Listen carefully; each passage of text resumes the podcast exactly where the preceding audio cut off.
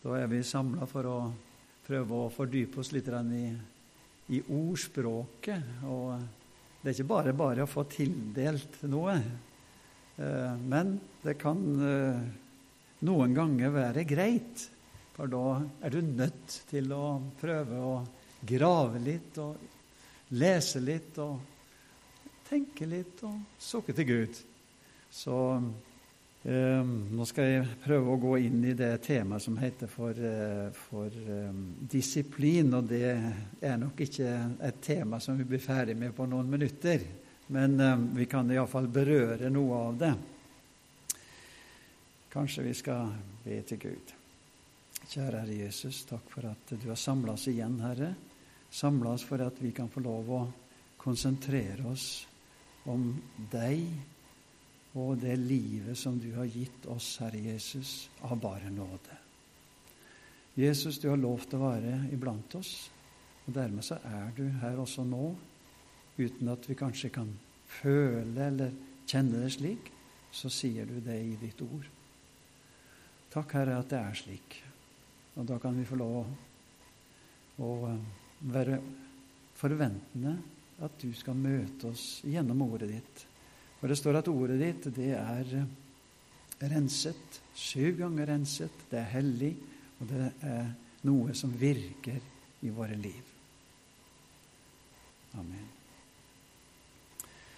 Ja, jeg skal si litt først eh, om eh, da, ordspråkene som vi kan ta med oss et vers der i første kapitlet, faktisk. Når du, når du, sa ordspråkene to, så ble det ikke helt riktig, for det var sesjon to. ja. Men i alle fall det, i alle fall så skal vi lese nå Salamos ordspråk kapittel 1 og bare ta med oss vers 7. Å frykte Herren er begynnelsen til kunnskap. Visdom og tukt blir foraktet av dårer. Ja, vi kan lese en gang til. Å frykte Herren er begynnelsen til kunnskap. Visdom og tukt blir foraktet av dårer. Og det var det der det da ligger grunnlaget at det viktigste i livet, det er å få sitt forhold til Herren i orden. Og det å kjenne Herren og det å frykte Herren, som en sier her, det er begynnelsen til kunnskap. Det er den viktigste ting i livet. Men så sier han at visdom og tukt blir foraktet av dårer. Og det er vel noe av det som ligger i ordspråkene, den visdommen som Salomo fikk av Gud, og som er oss til hjelp i vår hverdag, der vi skal vandre i kristenlivet midt i verden. Og så står det visdom og tukt blir foraktet av dårer. Altså, det, det, det, er noe med det at Herren, han har noen barn. Guds barn. Og det er vi. Og er vi barn, ja, da hender det også at barna blir tukta litt. Og det er det som Guds ord prøver å si, at er vi ekte Guds barn, så må vi også være forberedt på å bli korrigert og, til, og leda på en måte som Gud gjør med barna han er glad i og ønsker det beste for. Og noen ganger så kan kanskje korreksjon være tung og vanskelig. Andre ganger så er det enklere. Slik er det når eh, vi skal prøve å korrigere og oppdra barna våre. Så noen ganger måtte vi bruke hardere lut. Og noen ganger hørte de ikke etter. Andre ganger så var det bare å se litt på vedkommende, så var det nok. Og Gud han har sin egen måte å håndtere oss på. Og nå klarer jeg ikke å komme inn på det der. Det, det er for vanskelig tema i så måte på hvilken måte, men det er noen, noen ting i Guds ord som vi kan ha som eh, som veiledning. Men i alle fall ordspråket, eh, hele boka, den er jo Den vil si oss noe om det å leve et gudfryktig liv. Og den sier oss noe om hvordan det blir å la Guds vilje lede livet vårt istedenfor å velge vår egen vilje som fører til ødeleggelse. Og ordspråket leder jo oss på en måte til Jesus. Det er jo der vi skal hente hjelp og kraft og nåde og alt det vi trenger. Og vi kan jo også si det på den måten at det er som om Jesus tar oss i hånda og leder oss gjennom eh, livet når vi går gjennom ordspråkene og ser det som den gir oss av råd. Så er det som om Jesus leder oss gjennom livets irrganger, og vi får litt ja, vi får hjelp til de forskjellige eh, ting vi møter i livet. Eh, I 1. Korinterne 1,30 Du vet at Salomo, Salomo fikk jo visdom, visdommen fra Gud når han ba til Gud. og og eh, han ble jo den viseste som har levd av mennesker. Men i første Korinterne kapittel 1 og vers 30 så står det For det er Hans verk at dere er i Kristus Jesus, Han som for oss er blitt visdom fra Gud. Altså visdommen personifisert, den er i Jesus. Og der finner vi også rettferdighet og helliggjørelse og forløsning. Så alt som vi trenger i frelsen, det finner vi gjennom Jesus. Men så er det også nevnt han er blitt oss visdom ifra Gud. Altså hvordan skal jeg leve som kristen? Ja, det finner vi gjennom Jesus. Og da er det bare å søke Han og så står det da i Jakob 1,5.: Den som mangler visdom, hva skal han gjøre? Han skal be, står det. Så mangler du visdom, da er det bare én ting å gjøre. Da er det å søke Gud, og søke Gud gjennom Jesus. Så får du den visdommen du trenger til å leve rett. For det var det det går ut på. Treng visdom i livet til å leve rett å leve som en kristen, til å håndtere ting på en rett måte. Og nå skal vi altså gå inn på det der eh, med disiplin. Ja. Men jeg har noen sitater ennå som vi kan bare ta med oss helt i begynnelsen. Den som lytter til rettledning om livet, får plass blant de vise. Jeg kan gjenta det. Den som lytter til rettledning om livet, får plass blant de vise. Et nytt sitat. Den som ikke tar imot formaning, forakter seg selv. Mm. Den som ikke tar imot formaning, forakter seg selv. Og helt til slutt men den som lar seg vise til rette, kjøper seg innsikt. Den som lar seg vise til rette, kjøper seg innsikt. Ja, Gud, han ønska å vise oss til rette. Han ønsker å rettlede oss, slik at livet blir det som han hadde tenkt. Og da er det hvordan, hva slags innstilling har vi til Guds tilrettevisning, Guds måte å disiplinere oss på, og ja Hva slags innstilling har vi? Og det som er vanskeligst for oss, det er jo vår egen vilje. Det var den vi kjemper mest med. For det at eh, vi har så lyst til å gjøre ting på vår egen måte, og så hender det at vi tar feil valg, og Gud må vise oss til rette. Og så sier han 'Dette veien, vandre på den'. Og det er på grunn av vår falne natur at det er slik at vi har det der å kjempe med. Vi er frelst av nåde, men vi likevel så har vi en natur der vi har vår egen vilje, som har så lett tilbøyelig til å velge sin egen vei. Jesus han hadde ikke synd, men han var et sant menneske, og derfor så hadde han også sin egen vilje. Men vi husker hva han ba helt på slutten der, og det var en bønn som gikk igjen i hele livet. Ikke som jeg vil, men som du vil. Men han sa, om du vil, så kan du la det her gå meg forbi, sier han. Så han hadde Han la fram sin vilje framfor Gud, men så la han det alltid i Guds hender. Og det var der vi har så mye å lære. Men på hvilken måte er det at vi blir rettleda og, og får hjelp til å leve rett, da? Jo, jeg har notert med noen få ting her som jeg har lyst til vi skal ta med oss. Og det er først Hva er det som rettleder oss først og fremst? Jo, det er Guds ord. Det er Guds ord som er kartet vårt i livet. Og Jesus er jo også kalt Ordet. Og hvis vi sier vi er glad i Jesus, ja, da må vi være glad i Ordet også. For det henger i hop. Så er vi nøye med å, å følge Ordet, så det et tegn på at vi er nøye med å følge Jesus.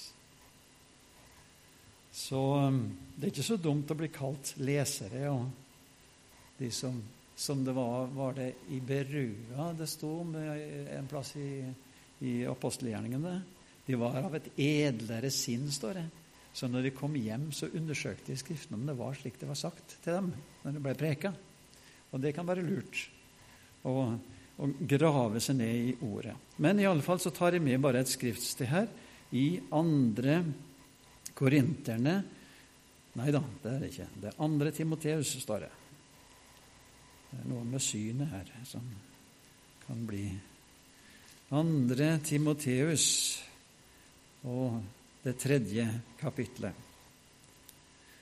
Og da står det i, ute i kapittelet helt på slutten der, i vers 16 og 17 Hele Skriften er innåndet av Gud. Den er nyttig til lærdom, til overbevisning, til rettledning, til opptuktelse i rettferdighet. For hvorfor? Jo, for at Guds menneske, altså oss, kan være fullkomment, satt i stand til all god gjerning. Så nummer én det er Guds ord. Det er kartet som ikke forandrer seg. Til og med Peter han snakka om den store opplevelsen, åpenbaringen, som han hadde på fjellet sammen med Jesus. Så var det jo Peter og Johannes som fikk være med, og de hadde en voldsomt opplevelse av Jesus når Jesus ble forandra, og han skinte som, som et lys som ingen kunne tenke seg. Og så sier han det i ordet sitt. Men dess fastere har vi det profetiske ord. Altså opplevelser, sterke opplevelser, de er vel og bra, de skal være der. Men det er ordet som ikke forandrer seg, som skal være vår hjelp og veiledning og tilrettevisning. Og faktisk, det står det opptuktelse. Eh, men hvordan skal jeg skjønne ordet? Da har vi en hjelper. Og Da går vi til Johannesevangeliet, det 14. kapitlet. Og det er Jesus som underviser om Den hellige ånd. Og da sier han noe av oppgaven til Den hellige ånd. Og det 14. kapittel og vers 26. Jeg skal bare plukke noen vers her. Men talsmannen den hellige ånd, som Faderen skal sende i mitt navn. Han skal lære dere alle ting og minne dere om alt det som jeg har sagt dere. Det hender vi er litt glemsomme, og det ligger til oss mennesker, og vi trenger påminnelse ifra Gud. Og da er det at Den hellige ånd er der for å minne oss på ting som Herren har sagt. og som vi kanskje trenger inn i en spesifikk situasjon som vi er midt oppi, så kan Den hellige ånd komme og gi oss det vi trenger. Så Den hellige ånd er der. Og i det generelle, når vi leser Guds ord, og det skal være til oss til hjelp, så vil Den hellige ånd åpenbare ordet for oss, slik at det blir levende, slik at vi skjønner, sånn at det ikke blir bare noe tørt, men at det taler til oss.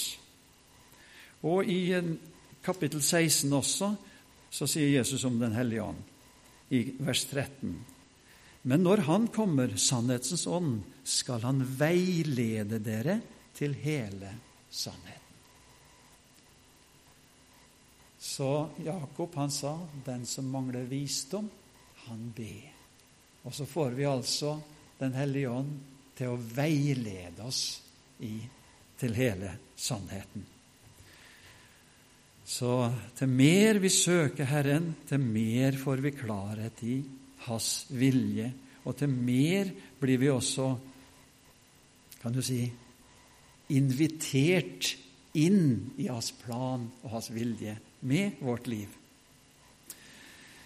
Ehm, jeg hadde plukka fram noen flere skriftsteder som også kunne være med og gi oss en liten pekepinn i livet når vi vandrer som kristen på veien, da trenger vi ikke bare skulle du ordet og ånden, selv om det skulle være nok, men vi trenger også venner, noen rundt oss som kan være med og veilede oss og hjelpe oss. Noen som kanskje har gått igjennom noe lignende som jeg står midt oppi, og der jeg kan få noe råd. Og jeg skal bare plukke fram eh, en par skriftsteder der i ordspråket som vi begynte med her. Skal vi se.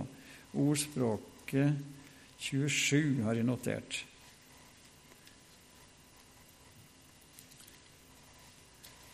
Ordspråket 27 og vers 9. Det er mange sikkert andre vers som også sier noe av det samme, men her står det i alle fall.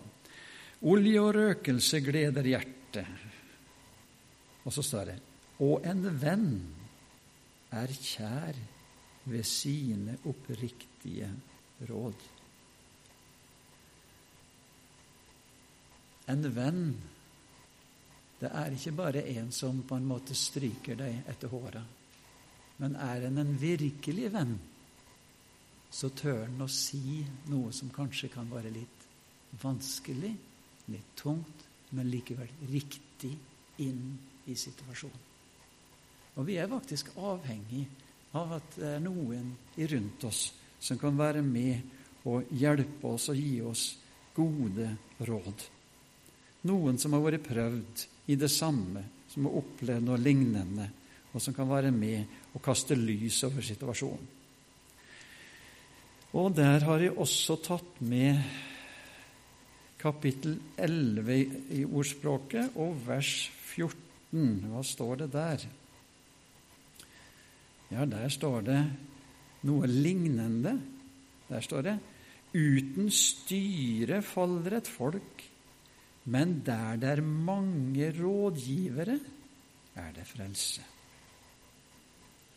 Der det er mange rådgivere, er det frelse. Jeg tror det ligger noe der at uh, vi trenger flere som kan være med og belyse en sak. Når ting er vanskelig, så er det ikke så lett for Det blir jo som vi synger i sangen Når jeg har tenkt meg trett til døden, så si hva du har tenkt å Gud. Men da kan det også være godt at det er flere som har en lys over ting. Og der er mange rådgivere. Der er det frelse. Men det forutsetter jo det at de som er rådgivere, de har greie på det de snakker om. Helt til slutt av det som jeg har plukka fram, så skal vi ta med oss Titus. Titus 2.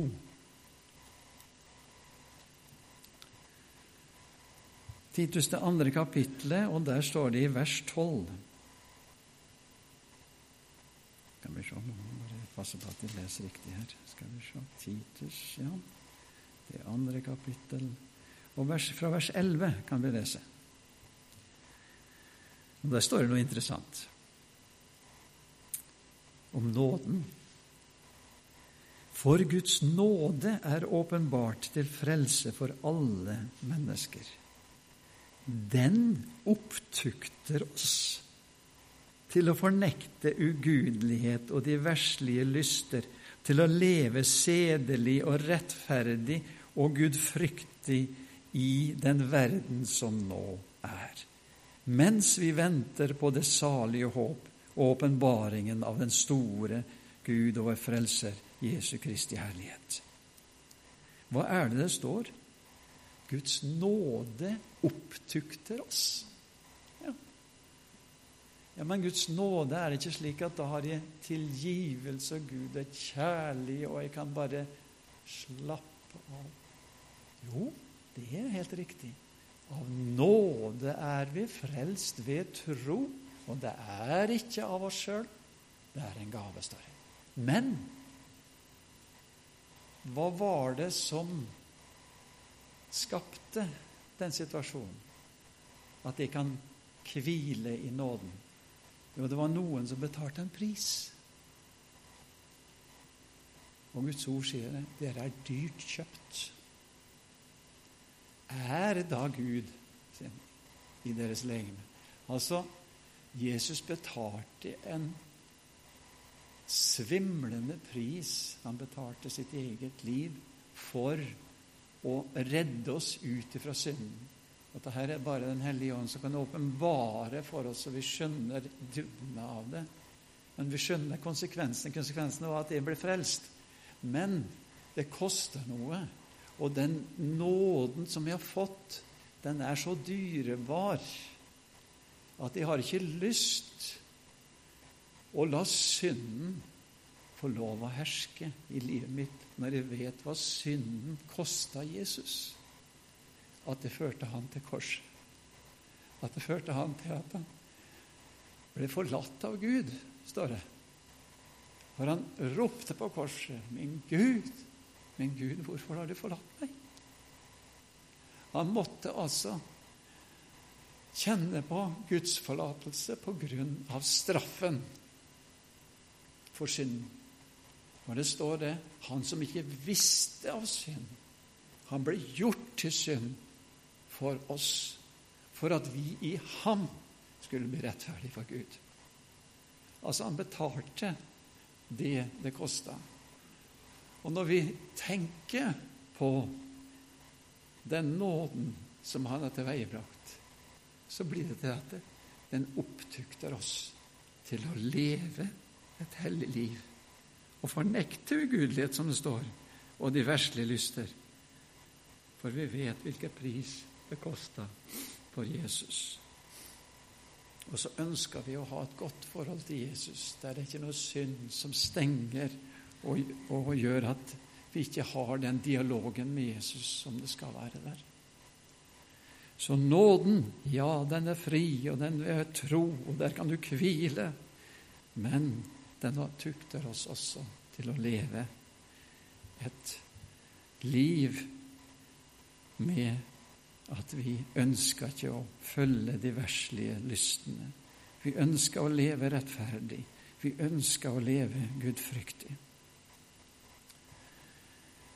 Her har de skrevet å bli korrigert når man gjør feil, er faktisk det mest kjærlige noen kan gjøre mot deg.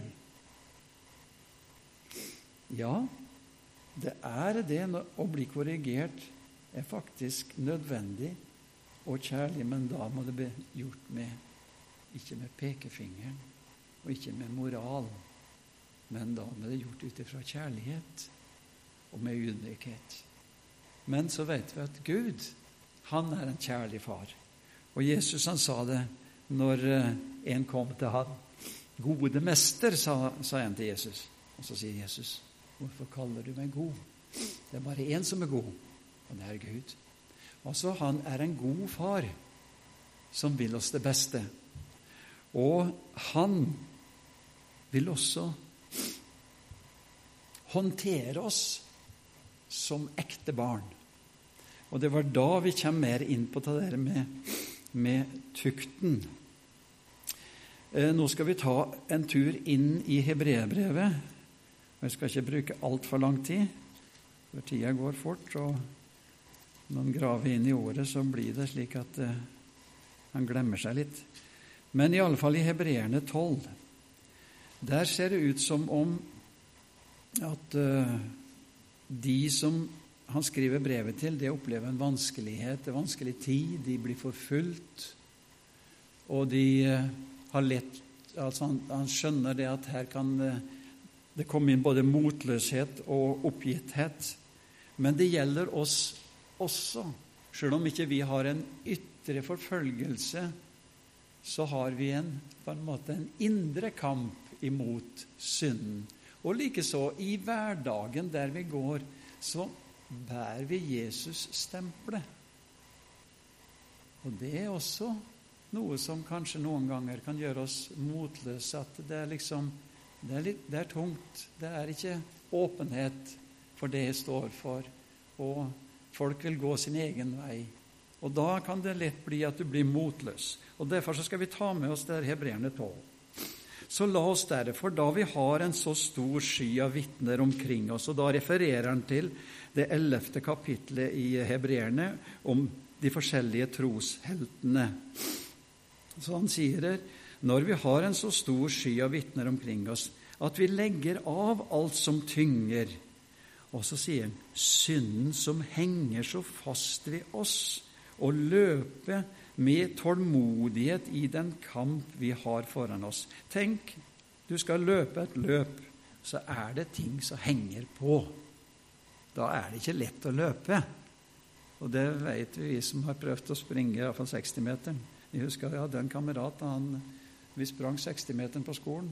Og så hadde han noe penger i lomma, og de mista han. Og Det eneste han gjorde, det var jo å stoppe, da, og så ta dem opp og så springe videre. Altså Det var noe som, eh, som eh, forstyrra han i løpet. Eh, men her sier altså da hebreerbrevets forfatter at la, la ikke synden, som er så lett at den henger så fast ved oss, la ikke den hindre oss i løpet. Men la oss løpe med tålmodighet, står det, i den kamp vi har foran oss. Den kampen er alltid foran oss. Vi får ikke gjort noe med det som er bak, men det er noe som ligger alltid foran oss. Det er dager vi møter. Det er en kamp, det er en åndskamp, der vi hver dag skal møte verden rundt oss. Hva var det skal vi gjøre da? Jo, i vers 2 så står det med blikket festa på Jesus. Og hva er det skal vi bli inspirert av? Jo, det står Han som er troens opphavsmann og fullender for å oppnå den glede som ventet han.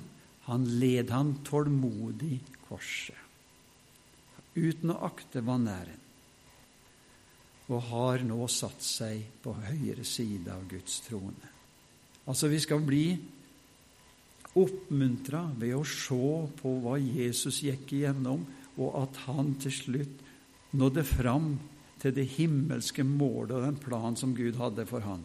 Så står det i vers 3.: ja, gi akt på ham som utholdt en slik motstand fra syndere, for at dere ikke skal bli trett i deres sjeler og bli motløse. Ennå har dere ikke gjort motstand like til blodet i deres kamp mot synden. Altså, de hadde ikke opplevd motstand så sterk at de måtte bøte med livet, eller på en, på en måte fysisk bli, bli skada av at de hadde bestemt seg for å følge Jesus. Men likevel så opplevde de vanskeligheter. Her kommer da han inn på noe.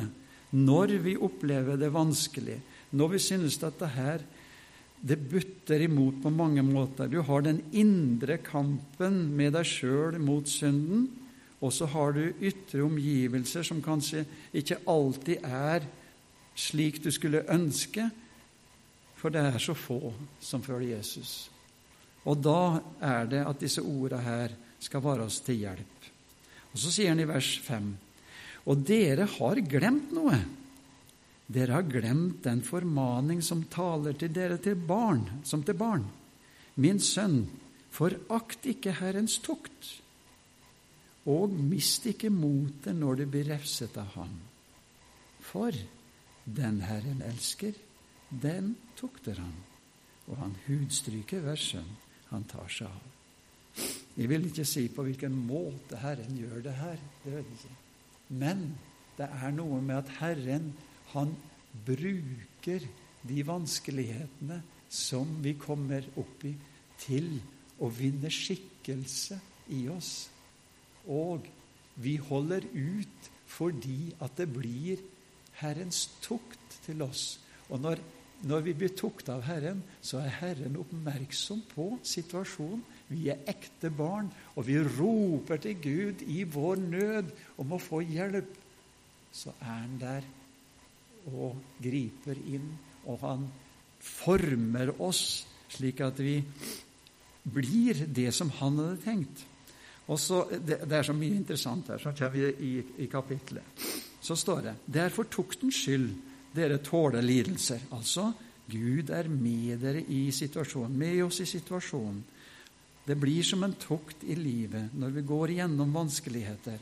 Så fører det til at vi roper til Gud om hjelp, og så blir nærheten til Gud enda sterkere, og så blir vår vilje og vår karakter påvirka av Gud. Så du skal ikke bli fortvila om du synes at livet er vanskelig. Gud vil bruke det til noe som er bedre og etter hans vilje. Ehm, det er mange ting han tenker på i farta, men eh, tenk på Moses. Han kjente på et kall til å hjelpe israelsfolket. Og så trør han uti sjøl.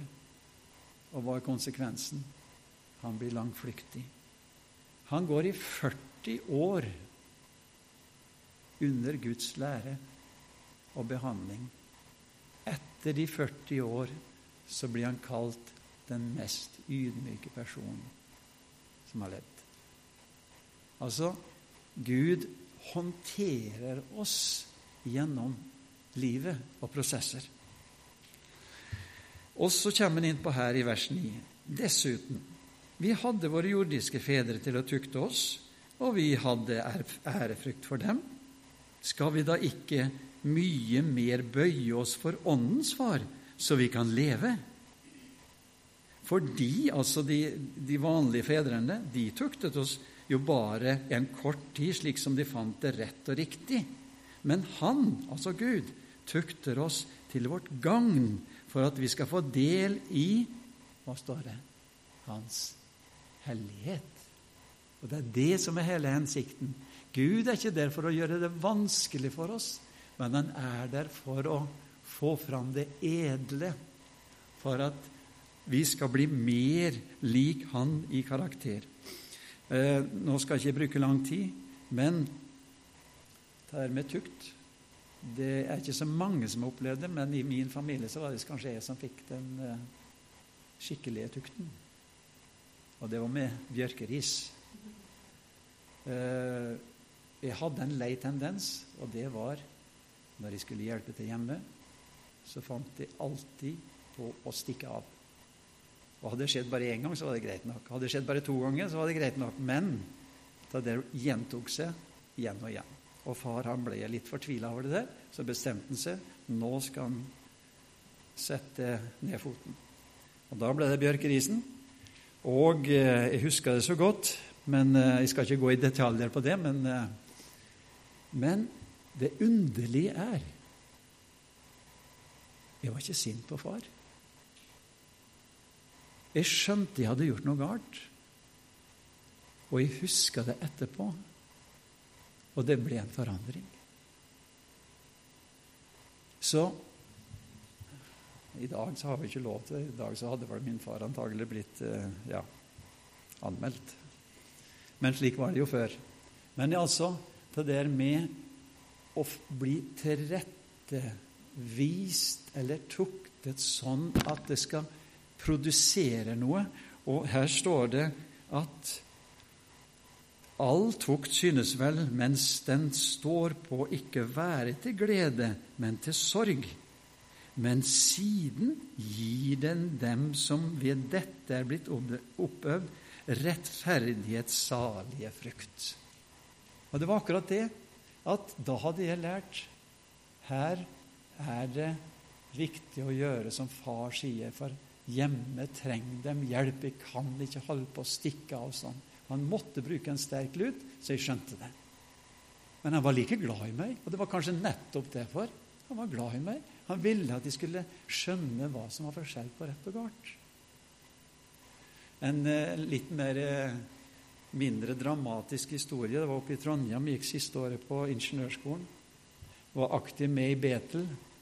Da kommer det en eldre dame bort til meg og så sier du, på lørdag så skal vi ha et arrangement.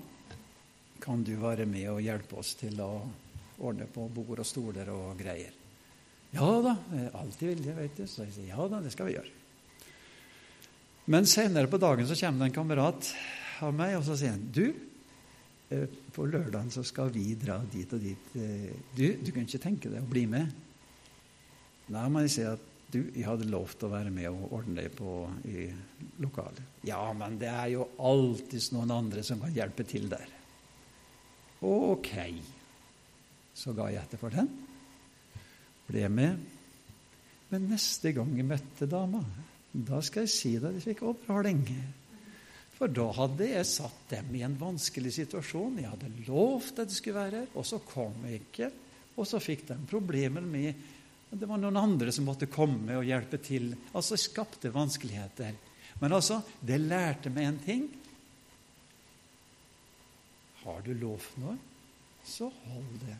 Altså, det produserte rettferdighets salige frukt. Altså tukt det er ikke så dumt. Så får det bli opp til Gud å håndtere oss sånn som Han ser er det beste. For Han ønsker at vi skal få av hans karakter og hellighet. Og eh, det er litt vanskelig å gå akkurat i det terrenget her, for at Gud straffer ingen. Det er ikke der det ligger. For han er en kjærlig far. Han vil oss det beste. Men det hender at han må bruke vanskelige situasjoner slik at han får oss dit han ønsker, og at vi får mer av hans karakter og hellighet. Ehm, Peter han snakka om den prøvde tro, han, som er kosteligere enn det forgjengelige gull. Og hvordan er gullet? Jo, det blir også lutra med ild for å få fram det edle. Og trua vår, den blir også lutra for å få fram det edle. Og det er den prøvede trua som er den som har gått gjennom prøvelse og vanskeligheter, det er den som er verdifull for Gud. Og eh, jeg har også tenkt på det som eh, Johannes sier i 15. Eh, kapittelet og det andre verset, og det skal vi ta med helt til slutt. Johannes 15.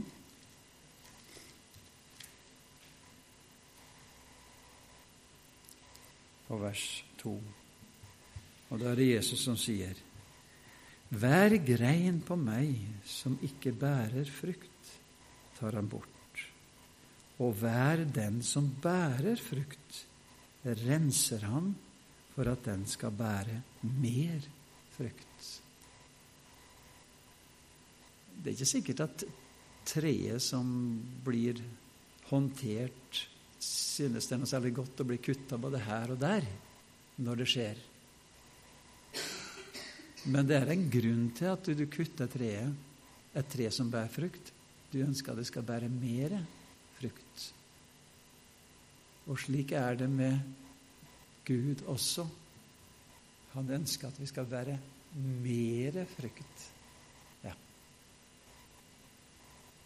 Og det er kanskje derfor at vi noen ganger må gå gjennom vanskeligheter og blir og opplever Herrens tukt og korreksjon og tilrettevisning. Men måtte vi ha den der ydmyke holdninga til det at Vi ønsker å følge Herren slik som Han kaller oss, og at Han kan få lov å håndtere oss slik som bare Han kan. For Han er så mye mer klokere enn jordiske foreldre, så han vet hvordan han skal håndtere oss. Og det er ingenting som ikke han vet om i livet vårt. Det er ingen vanskeligheter som ikke han vet om. Men la det bare bli brukt til det som fremmer Guds vilje. La det være en, en hjelp til å søke Herren enda mer, og vi blir enda mer lik Han i vår karakter. Må Gud velsigne oss alle sammen. Amen. Kjære Herre Jesus. Takk, Herre, at du har din egen måte å håndtere oss på. Og Jesus, noen ganger så synes vi at livet kan være så vanskelig, og det er motbakker, og det er ting som møter oss. Men det betyr ikke at du har forlatt oss. Det betyr bare at vi går i en skole der vi får lov å lære å stole på deg, og der vi kan bli påskynda til å trenge oss enda mer inn på deg og kjenne deg enda mer, Herre, og bli enda mer var på din stemme og tilrettevisning og brukbarhet i livet. Takk at vi skal hvile i nåden, for det står at det er godt at hjertet blir styrket ved nåden. Der skal vi hvile. Men du har en oppgave for oss. Du har en tjeneste. Du har en hverdag du ønsker å bruke oss i. Hjelp oss, Jesus, at vi kan få lov å bli forma av deg, slik at vi blir brukbare i den oppgaven.